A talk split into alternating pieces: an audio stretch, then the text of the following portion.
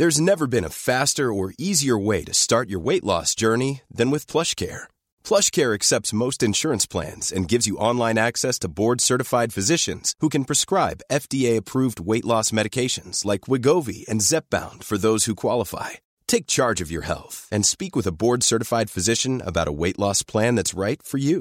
Get started today at plushcare.com slash weight loss. That's plushcare.com slash weight loss. plushcare.com slash weight loss. I'm Sandra, and I'm just the professional your small business was looking for. But you didn't hire me because you didn't use LinkedIn jobs. LinkedIn has professionals you can't find anywhere else, including those who aren't actively looking for a new job but might be open to the perfect role, like me. In a given month, over 70% of LinkedIn users don't visit other leading job sites. So if you're not looking on LinkedIn, you'll miss out on great candidates like Sandra. Start hiring professionals like a professional. Post your free job on linkedin.com/achieve slash achieve today. There's never been a faster or easier way to start your weight loss journey than with PlushCare. PlushCare accepts most insurance plans and gives you online access to board-certified physicians who can prescribe FDA-approved weight loss medications like Wigovi and Zepbound for those who qualify. Take charge of your health and speak with a board-certified physician about a weight loss plan that's right for you. Get started today at plushcare.com slash weight loss. That's plushcare.com slash weight loss. plushcare.com slash weight loss. Du lyssnar på Ridsportpodden, en ny podcast från tidningen Ridsport. I den här podden träffar vi ryttarna som du vill lära känna på djupet. Värd för programmet är hästsportsjournalisten Andrea Berlin. Nu är det äntligen dags för det tredje avsnittet av podden. Vid min sida denna gång har jag ingen mindre än en välkänd man som är proffs i såväl dressyr som hoppning. Dessutom är han coach till många av de stora ryttarnamnen både internationellt och här i Sverige. Med Peter Markne tänkte jag höra hur man egentligen hittar sin egen träningsstrategi och hur man ska tänka för att inte tappa glädjen när allvaret i ridningen blir för stort. Dessutom pratar vi mycket annat där han bland annat avslöjar vad samarbetet med Malin Bajard har betytt genom åren. Ska vi dra igång då? Då är vi igång. Ja. Välkommen till ett nytt avsnitt av podden. Tack så mycket. Genom din karriär har du ju hunnit med att rida OS, vara landslagstränare i hoppning och eh, tillhöra landslagstruppen i dressyr. Vad tror du har gjort dig till den profil som du är idag? Oj, vad gammal jag känner mig nu.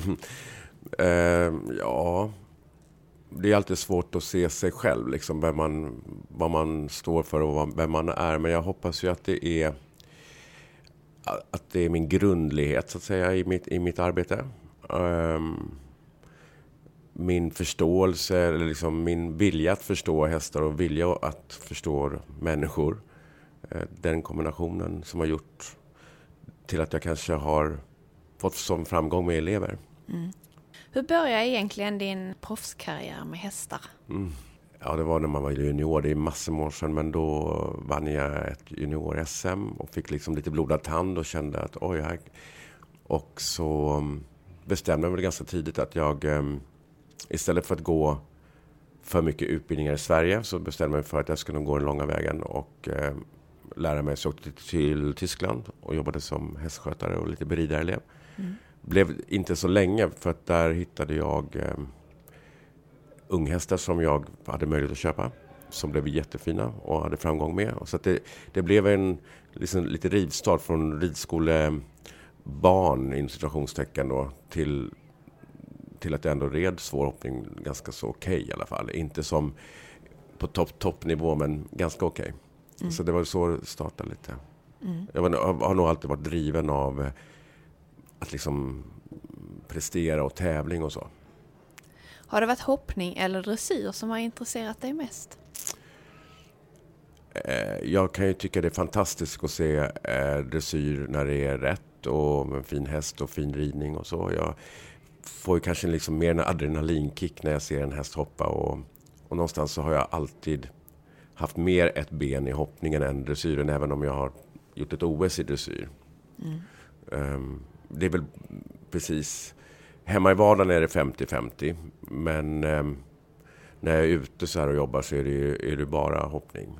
Det har ju liksom blivit så. Mm. Jag, jag brinner nog lite mer för det. Men du tävlade själv som hoppryttare? Ja, jag försökte i början. alla fall. Ja. Och ehm, ja, men det gick väl okej bra. Um, hade en fantastisk... Vilken nivå var du på då? Då red jag väl ehm, som typ trestjärnigt då. Mm. Eller jag red, ehm, ja, så det blev typ SM-nivå hemma i Sverige och lite mer. Och försökte väl komma liksom typ till de här fina tävlingarna, Skandinavium och så, men lyckades väl inte riktigt. Av olika anledningar tror jag. Jag hade väl dels för lite hästar och, och för lite, vad ska jag säga, resurser tror jag också. Jag hade alltid folk som stöttade upp men jag hade ändå inte riktigt en sån organiserad tillvaro så jag kunde göra en fulländad satsning utan gick ju över mer och mer på tränarbiten sen. Och sen blev det dressyr helt och hållet. Ja, det var ju också en sån där grej att när jag märkte att hoppningen tog väldigt mycket tid och mycket hästar. Ehm, tid menar jag att, att man var tvungen att åka mitt i veckorna och jag hade träningar och det var svårt att ställa in och för det var det som gjorde att man kunde hålla på så att säga. Det var min, min, mitt jobb. Ehm, och då bestämde jag väl en dag när jag hade en häst i stallet som var ämnad till att hoppa men hade väldigt fin gång.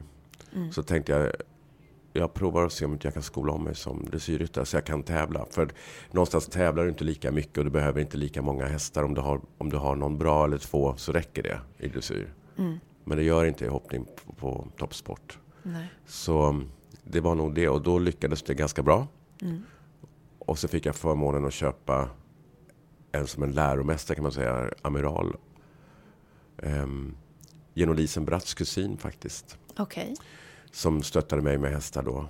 Och, ja, och då blev det OS. Det kom så pass långt? Ja, Det kom så kul. pass långt. Ja, jag hade nog bestämt mig också. Ja. Att eh, jag hade först den där hästen som kom in som hopphäst och blev dressyrhäst. Så red jag den upp till intermediär och så. Sen såldes den. Och sen fick jag möjlighet till den här färdiga hästen. Och då, det var liksom, det hade jag bestämt mig för. Får jag den, då ska jag göra ett OS. Och ehm, ja, jag lyckas komma med där. Vad kul. Mm. Och hur ser det ut idag? Hur eh, driver du din verksamhet idag? Idag har vi ju hästar hemma som min kära man rider mycket. Jag rider ju inte så mycket. Jag rider så fort jag är hemma. tror att det är jätteviktigt att man gör det. Ehm, Så länge man har hälsan och, och sådär tror jag man ska rida. För att det är så himla lätt som tränare att, att tappa lite greppet. Någonstans ska man ändå kunna sitta upp på en elevs häst och visa att så här vill jag att du ska göra om de kör fast och så vidare. Så det, det vill jag göra. Eh, inga tävlingsambitioner, men vi har väl kanske 10-15 hästar hemma. Och ehm, jag har ju ja, väldigt mycket träningar. Har jag. Du har ju bland annat samarbetat hela 20 år med Malin Bajard. Eh, du har följt henne och tränat henne och varit med henne utomlands. Eh, men även varit hemma i Norrköping såklart. Eh, hur började er relation? Om inte jag helt missminner mig så började det nog ehm, med att jag hade träningar. Ehm, och så hyrde vi in oss tror jag. Ehm, jag var mycket i Norrköping så var väl hon som höll i träningarna fixade väl till så vi kunde hyra oss in oss hos Malin där. Då var Malin och red ponny, D-ponny då. Och sen hade jag väl träningar så fick jag väl kvala in där då och visa att jag att jag inte, att jag inte var helt oduglig. Så att eh, passade hon och hennes syster Mie på att vara med på träning. Och sen har det liksom bara kört på liksom. Och eh, nu är det ju en helt Malin, eh, fantastisk världsstjärna och tvåbarnsmamma och affärskvinna. Och det, nu är det ju, ja, det har ju runnit lite vatten under broarna liksom sen vi började. Men, och likadant för mig. Men det känns väldigt bra när de ringer och säger när börjar träningen liksom efter Ja. jul och så. Så Ja. vi, vi kör på liksom. Ja. Nej, det vill jag absolut inte missa. Den, den, det, det är liksom en hög prioritering att åka dit. För att dels så älskar jag hela den familjen. Som det vore min egen familj. Jag tycker de är underbara. Och det bara känns så bra för att de är så kunniga också. och jag tror nog att mycket av min filosofi och tränar, ja, min tränarfilosofi, den har ju, den är väldigt färgad därifrån. Det, mm. det tror jag. Många gånger när man har, om man inte riktigt vet, eh, om man är osäker mm. som tränare så har jag ju otroligt stöd av min elev Malin. Från den här starten med, med ponnysarna och ända till nu, hur har utvecklingen sett ut? Men jag tänker på hennes schema och den personen hon är. Så respekterad ryttare och gång efter gång tar fram hästar och får hästarna hoppa på ett väldigt speciellt sätt. På grund av att hon rider så pass konsekvent och får hästarna med sig på så bra sätt. Så tycker jag att det finns inte så mycket mer jordnära människa än Malin. Nej. Och har otroligt lätt till, eh, till humor. Okay. Vi, vi, har väl liksom en, en oskriven lag där tror jag, Malin och jag. Att, um, att vi, om, om vi måste välja, om vi känner att det blir lite komplicerat. Mm. Så att det blir för komplicerat det vi håller på med när vi tränar. Eller för allvarligt. Då väljer vi så här, nej, vi måste kunna lösa det här enkelt. Ja. Och det måste vara trevligt. Ja. Både för häst och för ryttare och liksom så. Och det är ganska kul för att någon gång kan jag bli lite sträng och jag kanske är trött. Mm. Och så är jag lite bestämd mot någon elev och då kommer alltid Pelle in där i manegen känner, anar lite oråd. Att, att, um, hur går det här? Och så, så kommer med glada tillrop och, ja. och då fattar jag att okej, okay, det är adresserat till mig. Liksom, det gäller att ha, okej, okay, lätta upp stämningen lite igen och sådär. Och Malin ja. likadan. Ja. Så att, um, och det tänker jag på faktiskt varje, varje gång jag har träning. Så påverkar det mig väldigt mycket. Mm. Och det är jag glad för. Är ni lika som personer? Är det det som gör att samarbetet har blivit så bra? Eller är det, vad är det som gör att ni klickar så bra? Jag tror vi har varit med lite, lite ur och skur. Ja. Och um, jag tror att um, vi har nog väldigt mycket samma humor. Ja. Jag tror att... Um, och den använder ni den när ni tränar? Ja, alltså att... det, det absolut. Men ja.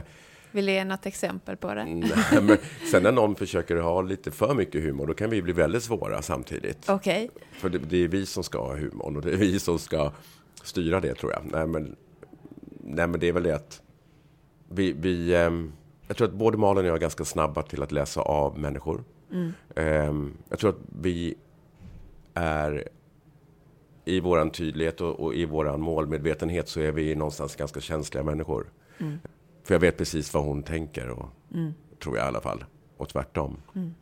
var en gång på en träning, vi skulle göra någon, eh, ett reportage. Mm. Och så kom det en, en, en fotograf från Stockholm. Han var väldigt hypad och, och lite spänd. I våran värld lite överspänd. Okay. Och eh, ja, skulle han ta lite kort på oss och eh, i alla fall, lång historia kort, vi bröt och vi fnissade och han, han tyckte vi var rätt så tröttsamma. Mm. Och han, för vi tyckte liksom att han var väldigt överspänd och så. Och så vi gjorde någon grej av det där då och det blev inget bra och så, fick, så skulle han äntligen då se oss träna. Och då, från att vi har varit på ganska låg nivå, så gick vi in i våra roller. Mm. Och då kom han och sa, vad, vad hände här, sa han. Mm -hmm. Vad då, sa jag ja men hur kan ni vara så annorlunda? Ja men nu jobbar vi så här, liksom, nu, nu är det så. Och så har det alltid varit. Ja, okay. Alltid liksom fokus och så, men med glädje. Mm. Men avsuttet så har vi alltid liksom, då är vi, då är vi avsuttna, då har vi trevligt och då... Mm. Mm. Men du tycker det är viktigt med en, en relation vid sidan om? Eh, att inte bara ha den här tränarrelationen utan kunna prata om annat också för att få träningen att gå framåt. Jag tror att det är viktigt att man lär känna varandra lite grann. Sen ja. är det nog en del människor vill ju ha mer integritet än andra och släpper liksom inte iväg allting utan vill ha sin pri privata sfär liksom lite grann. Mm. Så det där får man ju respektera. Men, mm. men sen bondar man ju med vissa människor lite mer. Mm. Och så kanske man upptäcker att, att man, har, man är precis på samma nivå. Mm. Och när man släpper lite den där spänningen, liksom, tränare-elev, så kan det, kan det bli otroligt bra. Mm. Men så kan det ju också bli att det slår över åt andra hållet faktiskt. Så att det blir, det blir inte med någon respekt och det blir liksom för mycket kompis och, mm. och man liksom inte lyssnar in och man tar inte det på allvar och så. Så det där, det där är ju liksom från person till person tror jag. Mm. Men är man en rutinerad tränare så läser man ju oftast av människor ganska bra. Mm. Men jag personligen så skulle jag inte vilja ha en tränare som jag inte litade på i alla avseenden. om man säger. Det finns ju tränare som är fantastiskt duktiga liksom, på det de gör. Men som personer kanske inte är den första man väljer att vara med om man säger. Nej. Och det skulle inte jag personligen vilja ha. En sån in på mig och min ridning, nej det skulle jag inte. Nej. Vad har ert utbyte gett dig som ryttare? Och Malin, hur har ni, har ni hjälpt varandra på något vis genom åren? Nej, det är, nej, det är nog mer att, att som tränare har, har jag haft ett otroligt utbyte av, av att jobba med Malin. Mm. En säkerhet och naturligtvis fått massor med cred av att liksom allt vad det står Malins tränare och hit och dit. Och hon mm. har varit otroligt generös med att alltid, ja, vad ska jag säga, eh, ta, markera att jag är där. Um, jag tror att jag har nog haft mest utbyte av vårt samarbete faktiskt. Hon, mm. hon är en otrolig talang. Mm. Um, hon hade absolut kunnat gjort det här utan mig. Hon hade gjort det utan mig. Hon hade gjort det utan många andra också. Um, hon har den drivkraften och den så, vad ska jag säga, som förmåga att läsa av hästar och, och en sån förmåga att, jag tänker på det, hon är ju det här med glädje och tycka om hästar och så. Mm. Ofta när jag kommer där på tisdagarna så, hon kan ha varit ute på en tävling och det har varit stressigt och sådär, så kan jag gå in i stallet och se hon står och kanske rycker någon man eller hon putsar på sin häst. Lite som där det började om du förstår vad jag menar. Ja. Man gillar sin häst och man håller på. Och lite sån är Malin. Hon... Ja. Ähm, sen är, är, det hästar man tycker mer eller mindre om. Men hon, hon är otroligt med det här med, med kontakten. Mm även, även på marken och på backen med hästen. Och det lyser igenom tycker jag när hon rider. Hon har ju en väldigt, kan ju nästan liksom nästan på telepatisk nivå rida Malin. Alltså hon, hon får ju hästen att lyssna på noll och ingenting. Mm. Um, ja, på din fråga var nog mer att, att jag, jag, jag känner att jag har haft ett otroligt stöd. Mm. Um, minsta osäkerhet så har jag alltid haft henne till att fråga. Och när jag ser en sak och jag är osäker på om jag ser rätt så har det varit helt prestigelöst och, och jag har bara frågat, ser jag rätt här? Jag tycker att den är så här. Nej, jag upplever så här. För hon är inte dugg rädd att säga tvärtom. Nej. Hon skulle aldrig ljuga för mig. Eller det är en ärlig relation. Ja. Nej, jag tycker så här och så här. Och då får man kanske omvärdera. Mm. Och det har ju gjort att man, att man öppnar sina sinnen. Ja. Och, och, inte stänger in, stänger ja. av. Och det är väl kanske det som gör att man fortfarande utvecklas, tror jag, som mm. tränare. Mm. Hur har ni hanterat eh, motgångar och framgångar och sådär? Jag är jättedålig på det. Jag var helt ärlig och säga. Jag, jag eh, kan ju gärna... Det är några kompisar som kallar mig för älta Markne. Liksom. Att okay. jag ältar liksom, och så tar om och så kan vända om igen. och så där. Malin är precis tvärtom. Okay. Hon ger sig ja, en halvtimme, timme max, vad vet jag. Så ondar hon och blir svår. Äh, men måste få sin egen tid, en väldigt kort tid. Och sen är det bara nytt blad. Ben och mm. nytt blad. Och förtränger det liksom. Mm. Jätte, jätteduktig på... Jag tycker att hon eh, är otroligt bra förlorare om man säger. Alltså, ja. eh, sen kommer inte jag ihåg riktigt hur hon var som, som liten. Men jag tror att en stor del av hennes sätt att ta mot och framgångar, det är nog mycket tack vare hennes pappa. Mm. Som, som sällan kommer och, och säger saker av det här skulle jag gjort bättre, det skulle jag gjort, utan lyfter fram, lyfter fram liksom det, det som är bra. Mm. Um, det är en sån här grej som jag tror vi måste bli lite bättre på i det här landet. Mm. Jag har ju varit en del i USA. Mm. Och där är väl liksom extremt då. Liksom, åh, det var så beautiful där och det var jättebra där och hit och dit. Men samtidigt så, för mycket och för lite av någonting är ju inte bra. Nej. Men jag tror att vi kan bli lite bättre på det i Sverige. Ja. Att, ehm, att lyfta liksom, för det är skarpt läge ibland och det är tufft och man, man, man vill så det verkar och man tycker att man har misslyckats kanske någon gång då och då. Och det är då det liksom är så jävla viktigt att man, man tränar sin hjärna på att ta det på rätt sätt och inte göra, göra diket djupare liksom. ja, många av dina eh, elever de har väl väldigt höga mål och ambitioner. Mm.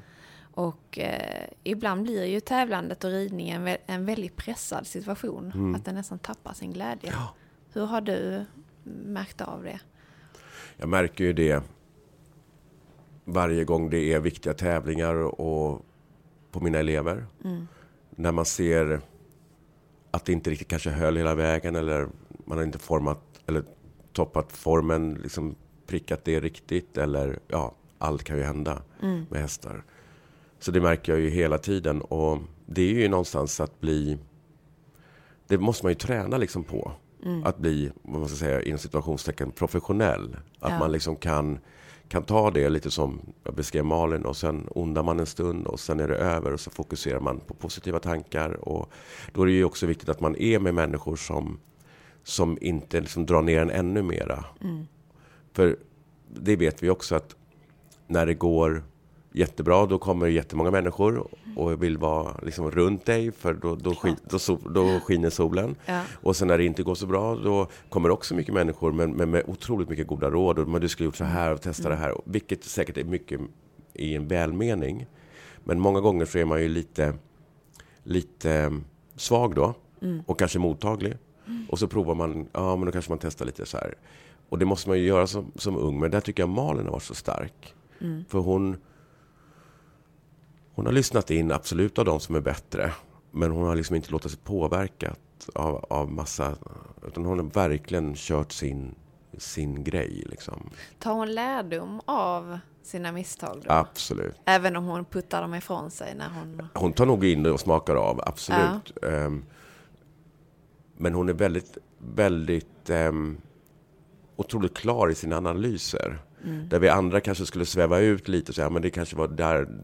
Det är lätt att man liksom hittar en pusselbit som passar in när man ska liksom göra en förklaring varför det blev som, som det blev. Så är hon väldigt klar. Nej, men Ja, men det var inte bättre därför jag fick inte tag i hästen där. Eller det, den svarade inte där, den kämpade inte där, eller den gjorde inte det. Det är inte så mycket...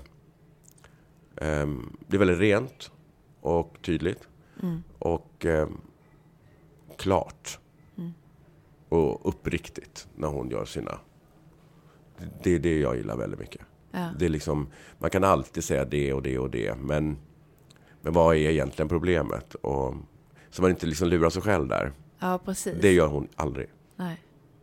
Men ibland kan det väl vara svårt att märka av det där själv om man hela tiden eh, blir lite negativ och tappar sin glädje. Ehm, när tycker du det är dags att analysera sin ridning och kanske tänka om? Jag tror det, det är en mognadsgrej och jag tror att som junior och young rider och sådär, eller så även ponnyryttare, om man ska göra mästerskap och man, man har en plan och jag tror, jag tror att det är viktigt att man som alltid, med allt i livet, att, att det behöver inte vara liksom just en tävling. Jag tror att man måste liksom stanna upp ibland och säga vad är viktigt.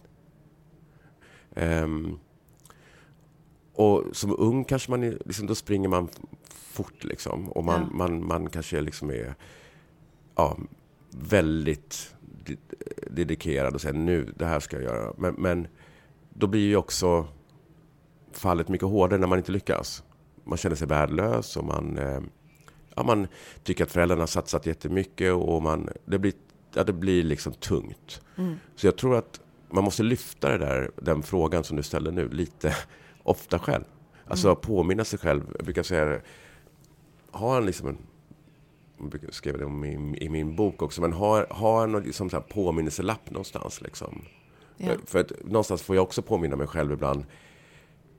När ja, jag måste rida den här hästen innan och där och där. Och, nej, det måste jag inte. För jag gör det egentligen bara för att jag tycker det är kul. Det, det var Mm. väl, annars varför ska jag rida liksom? Mm. Utan det får inte bli för mycket måsten. Utan jag tror man måste vara lite relaxed i, i sitt förhållande där.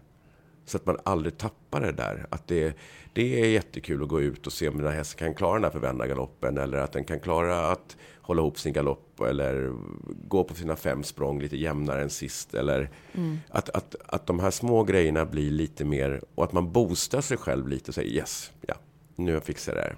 Liksom. Så att det inte bara blir... Man tänker det där tävlingen och att det är det viktigaste. För då tappar du hela liksom vägen dit som oftast är den roliga. Hej, det är Ryan Reynolds, jag är här med Keith, co star of my upcoming film, If, only in theaters, May 17th. Do you want to tell people the big news?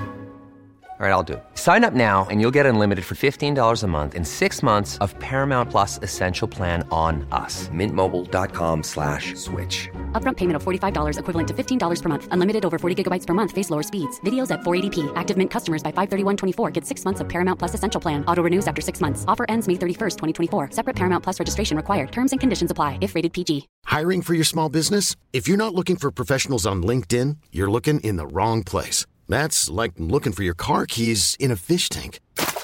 LinkedIn helps you hire professionals you can't find anywhere else, even those who aren't actively searching for a new job but might be open to the perfect role. In a given month, over 70% of LinkedIn users don't even visit other leading job sites. So start looking in the right place. With LinkedIn, you can hire professionals like a professional. Post your free job on linkedin.com slash achieve today. Ever catch yourself eating the same flavorless dinner three days in a row? Dreaming of something better? Well, HelloFresh is your guilt-free dream come true, baby. It's me, Gigi Palmer. Let's wake up those taste buds with hot, juicy pecan-crusted chicken or garlic butter shrimp scampi. Mm. Hello Fresh. Stop dreaming of all the delicious possibilities and dig in at HelloFresh.com. Let's get this dinner party started. Millions of people have lost weight with personalized plans from Noom, like Evan, who can't stand salads and still lost 50 pounds. Salads, generally, for most people, are the easy button, right? For me, that wasn't an option. I never really was a salad guy. That's just not who I am. But Noom worked for me. Get your personalized plan today at Noom.com. Real Noom user compensated to provide their story. In four weeks, the typical Noom user can expect to lose one to two pounds per week. Individual results may vary. Hey Dave. Yeah, Randy. Since we founded Bombus, we've always said our socks, underwear, and t shirts are super soft. Any new ideas? Maybe sublimely soft. Or disgustingly cozy? Wait, what? I got it. Bombus. Absurdly comfortable essentials for yourself And for those facing homelessness. because one purchased equals one donated. Wow, did we just write an ad? Yes. Bombas. Big comfort for everyone. Go to bombas.com slash ACAST and use code ACAST for 20% off your first purchase. Du säger små detaljer gör skillnad. Vad kan det vara för små detaljer då som man, som man kan ändra på? Kan Ja, men det är väl viktigt att man gör med någon duktig liksom, en analys. Vad, vad är jag bra på? Och vad är jag mindre bra på? Och Ja. ibland frågar jag elever så här. hur upplever du att du är, vad är du bra på? Ja. Och de skruvar sig och tittar ner i backen. Och, nej, de är inte bra på något tydligen. Och det är jättekänsligt att säga någonting. Så det, det tränar jag mina elever på. Vad, vad, vad upplever du att du är bra på? Eh, Men det har, det, har, det har väl jättemånga svårt att säga. Och sen mycket lättare att säga, men jag är ganska dålig på det där.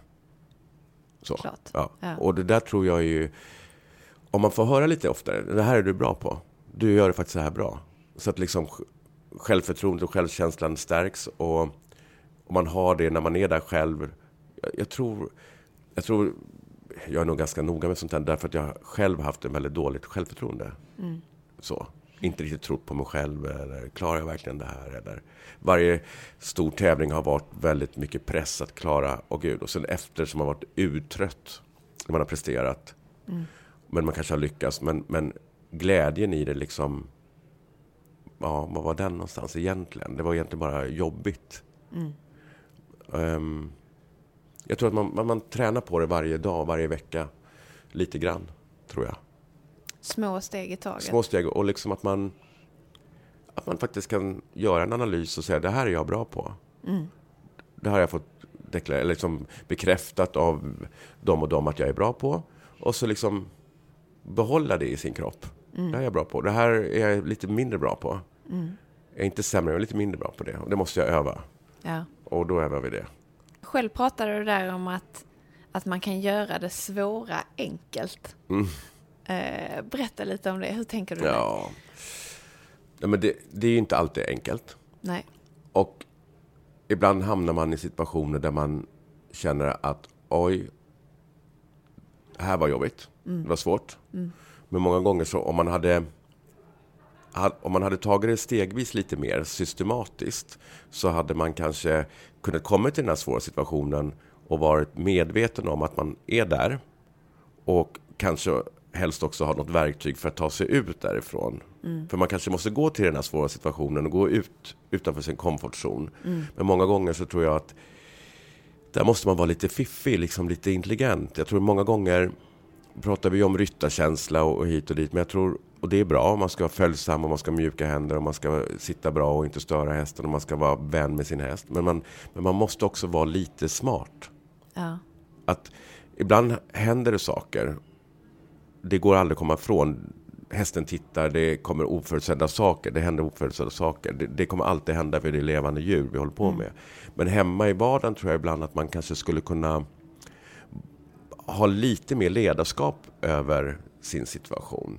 Mm. För många gånger så, ja, också som vanliga livet, man kanske inte ser de här små signalerna komma. Och ett, tu, tre så händer någonting. Och så tittar man tillbaka sen. Ja, egentligen kunde jag, jag har ju egentligen sett att det här var på väg. Om jag hade bara varit lyhörd nog och varit i nuet lite mer. Mm. Då hade jag nog egentligen kunnat varit mer förberedd på att det här skulle komma. Mm. Så tänker jag. Precis som du säger där så är det ju svårt att komma ut och kliva ur den här komfortzonen. Mm. För man är ju just rädd för att misslyckas. Mm. Hur tänker du att man ska göra där för att kunna komma ur den? Så att säga, att våga ta det klivet. Jag tror att man kanske måste ha lite hjälp där. Mm. Att man eh, lyfter frågan alltså, med eleven och hästen. Om vi säger nu att ja, vi hittar en grej här bara, att, att hästen eh, gör si eller så Mm. i en viss övning gång på gång. Och för att den inte ska göra det för många gånger så att det blir en vana för hästen så måste man ju liksom kunna fixa det problemet då. Brukar jag göra som tränare att, att, att, att okej, det, här, det här kommer att hända. Det har vi Mm. sett några gånger nu, det kommer att hända. Och så ger eleven lite verktyg. Så att, så att, man känner, så att eleven känner att okej, jag går in där, där det känns lite obehagligt igen. Men jag kan faktiskt reda ut stormen lite grann genom att jag gör si eller så. Du menar att man är lite mer förberedd? Eller? Ja, ja och att man har att man vågar se och inte liksom ha skygglappar för det och, liksom, och inte vågar gå närma sig det utan absolut våga gå dit. Mm. Ehm, men det är ju dumt att gå dit om du känner varje gång att du är liksom nummer två. Det, det här fixar inte det här. Det blir bara fel gång på gång på gång på gång. För då, Mm. då skapar du ju bara ett ännu större blödande sår, så att säga. Det är ett ännu större problem. Mm. Men om du får liksom konkreta verktyg, var, eller förklarat för dig varför det blir så här och hur du ska göra för att det ska bli på ett annat sätt som du vill ha det. Mm. Och sen känner man att ja, nu blev det lite bättre, ännu ytterligare lite bättre och till slut så känner man ja, men jag är ju faktiskt ridit igenom den här stormen. Liksom. Jag har faktiskt klarat det. Och man är på andra sidan problemet. Om, Tycker du det är tränarens, lite Ja. av tränarens uppgift där Absolut. att, att hjälpa den biten? Absolut. Och sen, absolut är det det. Men samtidigt, som jag tjatar om väldigt mycket. Om du ska bli jä- jätteframgångsrik och lyckas så måste vi få bort den här trenden att man åker på sin träning Mm. och man gör den bra och tränaren står och gör kloka övningar och man följer den träningen så åker man hem och så har man liksom tränat. Mm. Är du med? Det måste bort. Utan man måste Mm. på något sätt, man äger sin, man äger sin situation. Det är liksom inte, det är inte tränarens fel om du på något sätt inte får till det. Utan någonstans måste du liksom bolla tillbaka den. Och inte då, och då måste du vara så klar över att ta det positivt. Att liksom, okay, det här är en utmaning. Men jag vill inte vara här igen liksom, i den här situationen för många gånger, utan jag vill fixa det här. Mm. Och då, måste du, då äger du den frågan själv, tycker jag. Ja. Om du har fått liksom, förklarat, då måste, du, då måste du vara hungrig nog och tycka att det är spännande nog och utmanande nog och roligt nog att gå hem och se hur kan jag komma till det här. Och det behöver inte alltid vara liksom enligt boken, utan du kanske hittar ett, ett sätt som gör att du får till det. Sen behöver inte det kanske vara mitt första val, som jag har sagt, men du kanske var lite fiffigare så kom på, på ett annat sätt. Det, det är lite så, det är, då, det är då det blir intressant det här med hästar. Mm. Tror du ryttare överlag har svårt att bygga upp ett eget träningssystem ehm, som fungerar? De är hos sin tränare Tror- och man lägger mycket, mycket energi och, och så när man väl är där den timmen. Och sen när man kommer hem så har man lite svårt att egentligen fokusera. Jag tror på alla nivåer så är det väl alltid, och precis som i vanliga livet, Mm. det går lite upp och det går lite ner. Och Ja. jag tror att det måste gå lite ner för att det ska kunna gå upp. Ja. Jag tror att det är så. Och jag tror att ibland är det vissa, vissa perioder så är det inte helt lätt att hitta motivation. Nej. Och tycka att, att det här är världens roligaste grej. Och jag tror inte man ska liksom skämmas för det. Jag tror att det är så lite. Mm. Ehm, är det en för lång period då måste man ju liksom naturligtvis fråga sig, hallå, ska jag hålla på med det här eller ska Mm. jag göra någonting annat av min tid? men är det kortare perioder så tror jag inte man ska vara rädd. Men, men eh, har man en sån period så måste man inspireras. Mm. Och ehm, då äger man den situationen, tycker jag, igen själv. Då Mm. kan man ta sin häst, ringa upp någon som man eh, tycker är duktig. Hallå, kan inte jag få komma och titta när du rider? Eller vara med dig när du rider? Eller... Det är inte alla som vågar ta den där kontakten heller med... Nej, det måste du jobba med ditt person, din personliga läggning då ju. Att du Ja. måste liksom, okej jag får växa upp i det här. Jag måste liksom ta det här om jag ska komma någon vart. Mm. Ehm, det är en utmaning i det, bara det. Precis, Men det, precis. det tror jag man måste. Tycker du man ska inspireras av andra grenar? Ja, jag tror ju att vi blir lite för hästnördiga. Mm. Om, jag, om du frågar mig. Ehm, lite på äldre dagar har jag ju en ganska stor bekantskapskrets som inte håller på med hästar. Mm. Ehm, jag vet att Malen har det också. Ja. Det ger ju otroligt mycket energi och man får vara med om andra saker och man, kommer liksom, man får distans till sin egen tillvaro och, till sitt eget liv. Och man kommer in med lite friskare ögon in i det, i det livet igen sen. Och man, det kan vara olika från olika människor, men jag tror att det är jättebra om man kan liksom umgås och hitta vänner och bekanta som jobbar med andra sporter. Och man kan lära sig massor, tror jag, Mm. utav, utav varandra. Mm. Bara titta på travet kan vi lära oss mycket av. Om, om nu- är det i och för sig inom samma familj. Men, Mm. men ehm, jag, vet att, jag vet att Helena Persson lyssnar väldigt mycket på Stig H. Johansson, travkillen Mm. där. Och jag, tror, jag tror absolut att man skulle vara mer öppen där. Ja. Jag tror man skulle kunna få ut jättemycket av det. Har du själv någon som du har som förebild eller hämtar inspiration ifrån? jag har mycket vänner som jag ehm, som är framgångsrika på, på andra sätt. Mm. Ehm, Är det i andra sporter? Nej, det är nog liksom mera i, i yrkeslivet. Liksom. Yrkesliv, ja. ja. Ehm, där får jag nog väldigt mycket inspiration. Mycket för att det, ibland kan jag tycka att vi, det blir säkert alla i alla branscher och alla nischer, men att man kan Mm. ibland bli lite liksom trångsynt och liksom ser lite för smalt. Ja. Ehm, och då är det bra ibland att höra någon, deras verklighet och, och oftast är den inte alls så olik det vi håller på med. Vi håller på med levande väsen såklart. Det är Mm. det, det, det som oftast skiljer. För det är det som gör att det liksom inte är svart eller vitt. En häst har ju liksom känslor och den har en kropp som ska fungera och, och, ett, och en inställning. Och allt det där ska ju vi liksom arbeta med. Mm. Det är väl det som gör att det, att det inte är så enkelt varje gång. Mm. Men jag tror ändå att man skulle...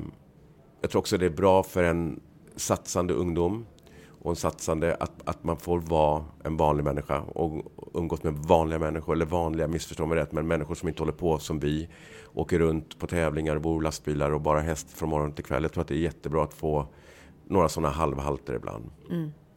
För att liksom se något annat, göra något annat och Komma ifrån komma ifrån.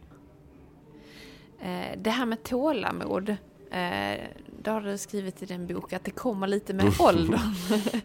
eh, varför tycker du det är så? Ja, det, den är ju skriven liksom i jag-form och jag har tagit ganska mycket efter hur jag upplever saker och ting. Mm. Jag hade ju liksom verkligen ingen, inget tålamod. Eftersom det, det brann ju hela tiden. Jag skulle liksom, det var här och nu och lyckas jag inte liksom få till exakt så tyckte jag att jag hade misslyckats. Och, och så är det tungt och så ska man dra sig upp där igen därifrån. När var detta i din... Eh, Ja, det var väl när jag höll på som mest där. ehm, innan OS och lite sådär. Mm. Idag ser jag ju det på ett annat sätt. Och det kanske jag gör för att jag inte tävlar. Det har ju också en aspekt. Att jag, inte, jag utsätter mig inte själv längre för sk- jätteskarpt läge så. Eh, endast som tränare då. Men Mm. som... Jag vet inte hur det skulle bli idag. Om jag skulle sätta igång och göra en ryttarkarriär igen. Jag tror att det skulle bli bättre. Jag tror att jag skulle göra det mer för min egen skull och för min, för min glädje. Ja. Till, till det hela. Men du har inte funderat på att starta någonting nu?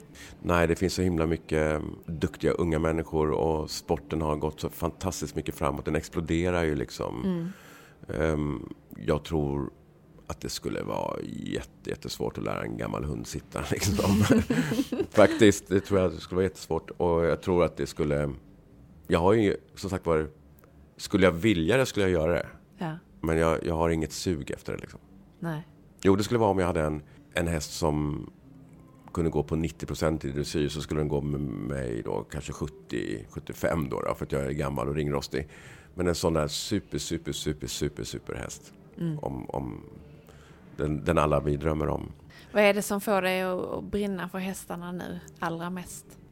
Det hade jag inte trott för några år sedan jag skulle säga. Men det är liksom när man, när man kan hjälpa någon elev och någon häst och man ser att det man faktiskt gör liksom blir det cred, alltså det blir, det blir bra. Um, när en häst hoppar gång på gång bättre och renare eller orkar göra vissa saker bättre än vad den har gjort tidigare för att man har... Jag tycker det är någonstans betalningen för det här att stå i ridhus på något sätt. Sen får Mm. man ju betalt för att man är en tränare men jag kan ibland känna så här att jag skulle hell- hellre göra det Alltså om jag fick resultatet så skulle jag hellre ta resultatet än pengarna. Många Mm. gånger. Alltså får Mm. man både också är det bra. Får inte vara dum så, inte det jag menar. Men, jag- men liksom, jag blir väldigt glad över när man ser en ryttare växa och teamwork med hästen blir bättre. Och, och man ser säkerheten i ridningen och man kan stå och titta att, och bara se att ja, det här är faktiskt lite bra. Mm. Det blir jag väldigt glad över. Ja. Om du skulle ge dina bästa tips till de som lyssnar.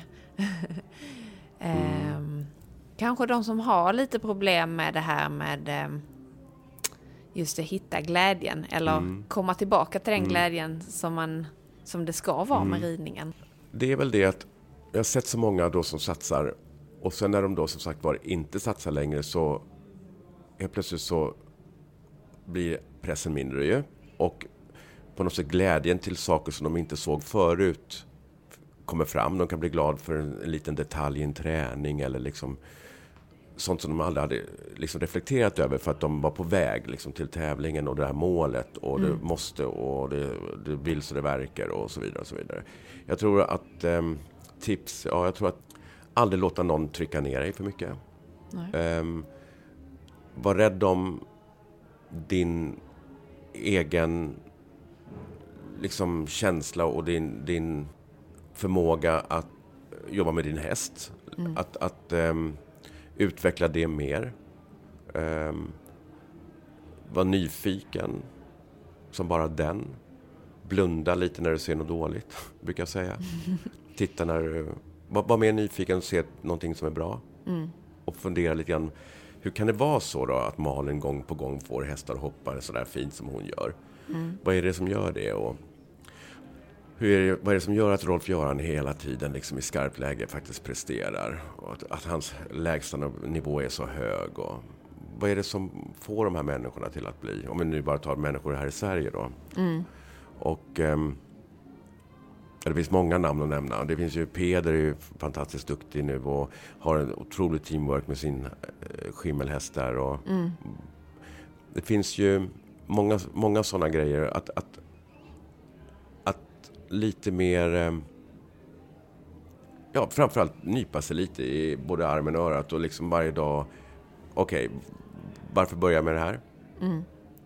när man går ut i stallet liksom njuta av de här hästarna. Och, och, och jag blir så ledsen ibland när man ser att hästen bara liksom blir ett, ja, liksom någon slags en, en, ett verktyg eller sådär. Utan att, att det är ju faktiskt en, en fantastisk varelse den här hästen. Mm. Och ehm, jag var ödmjuk inför hästen lite.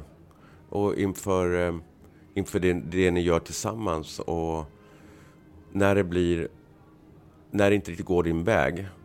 Så liksom kalla det inte för att du har misslyckats. Utan det, det gick inte så bra som du hade tänkt dig. Men hitta en plan så snabbt som möjligt. Var ärlig. och Titta ärligt i spegeln. Vad är det som är fel egentligen?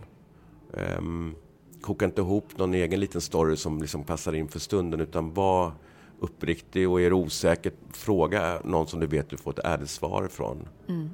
Ehm, ta inte ärlighet som något negativt. Nej. Eh, ta inte det personligt om du får höra någonting som, som kanske inte riktigt känns jättetrevligt just då. Ta det som en hjälp. Mm. Och, Ta lärdom av misstagen helt enkelt. ja, och våga höra en och annan sanning. Mm. Du är inte sämre för det, för att man säger att det här var faktiskt en katastrof, det du gjorde där, eller hit och dit, eller var inte jättebra. Det måste göra så och så. Mm. Och sen är det inte längre än så.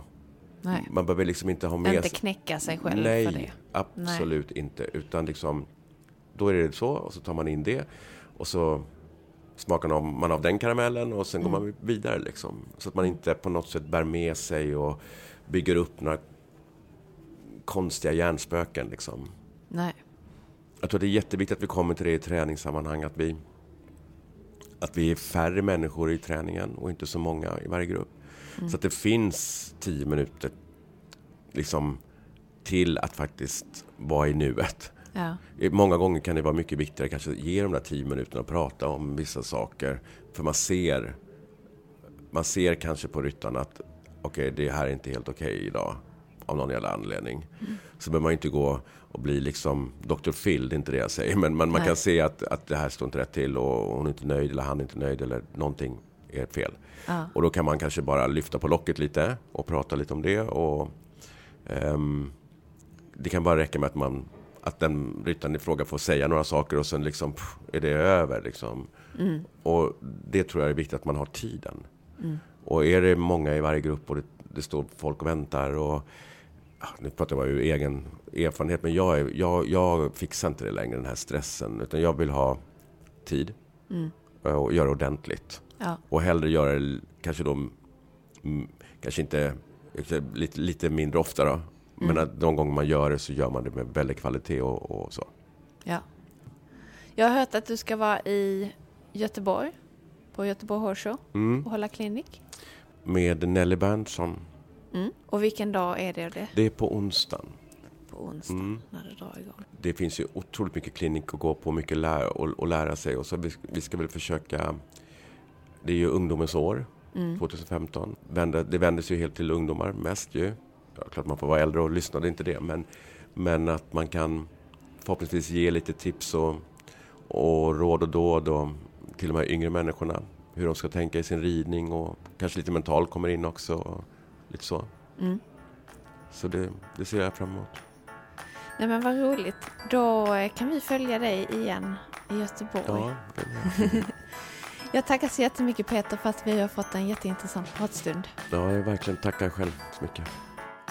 Vi vill jättegärna veta vem du vill att vi ska träffa nästa gång och vad vi ska prata om. Maila till oss på podden snabel tidningenridsport.se Programmet producerades av Lavaletto.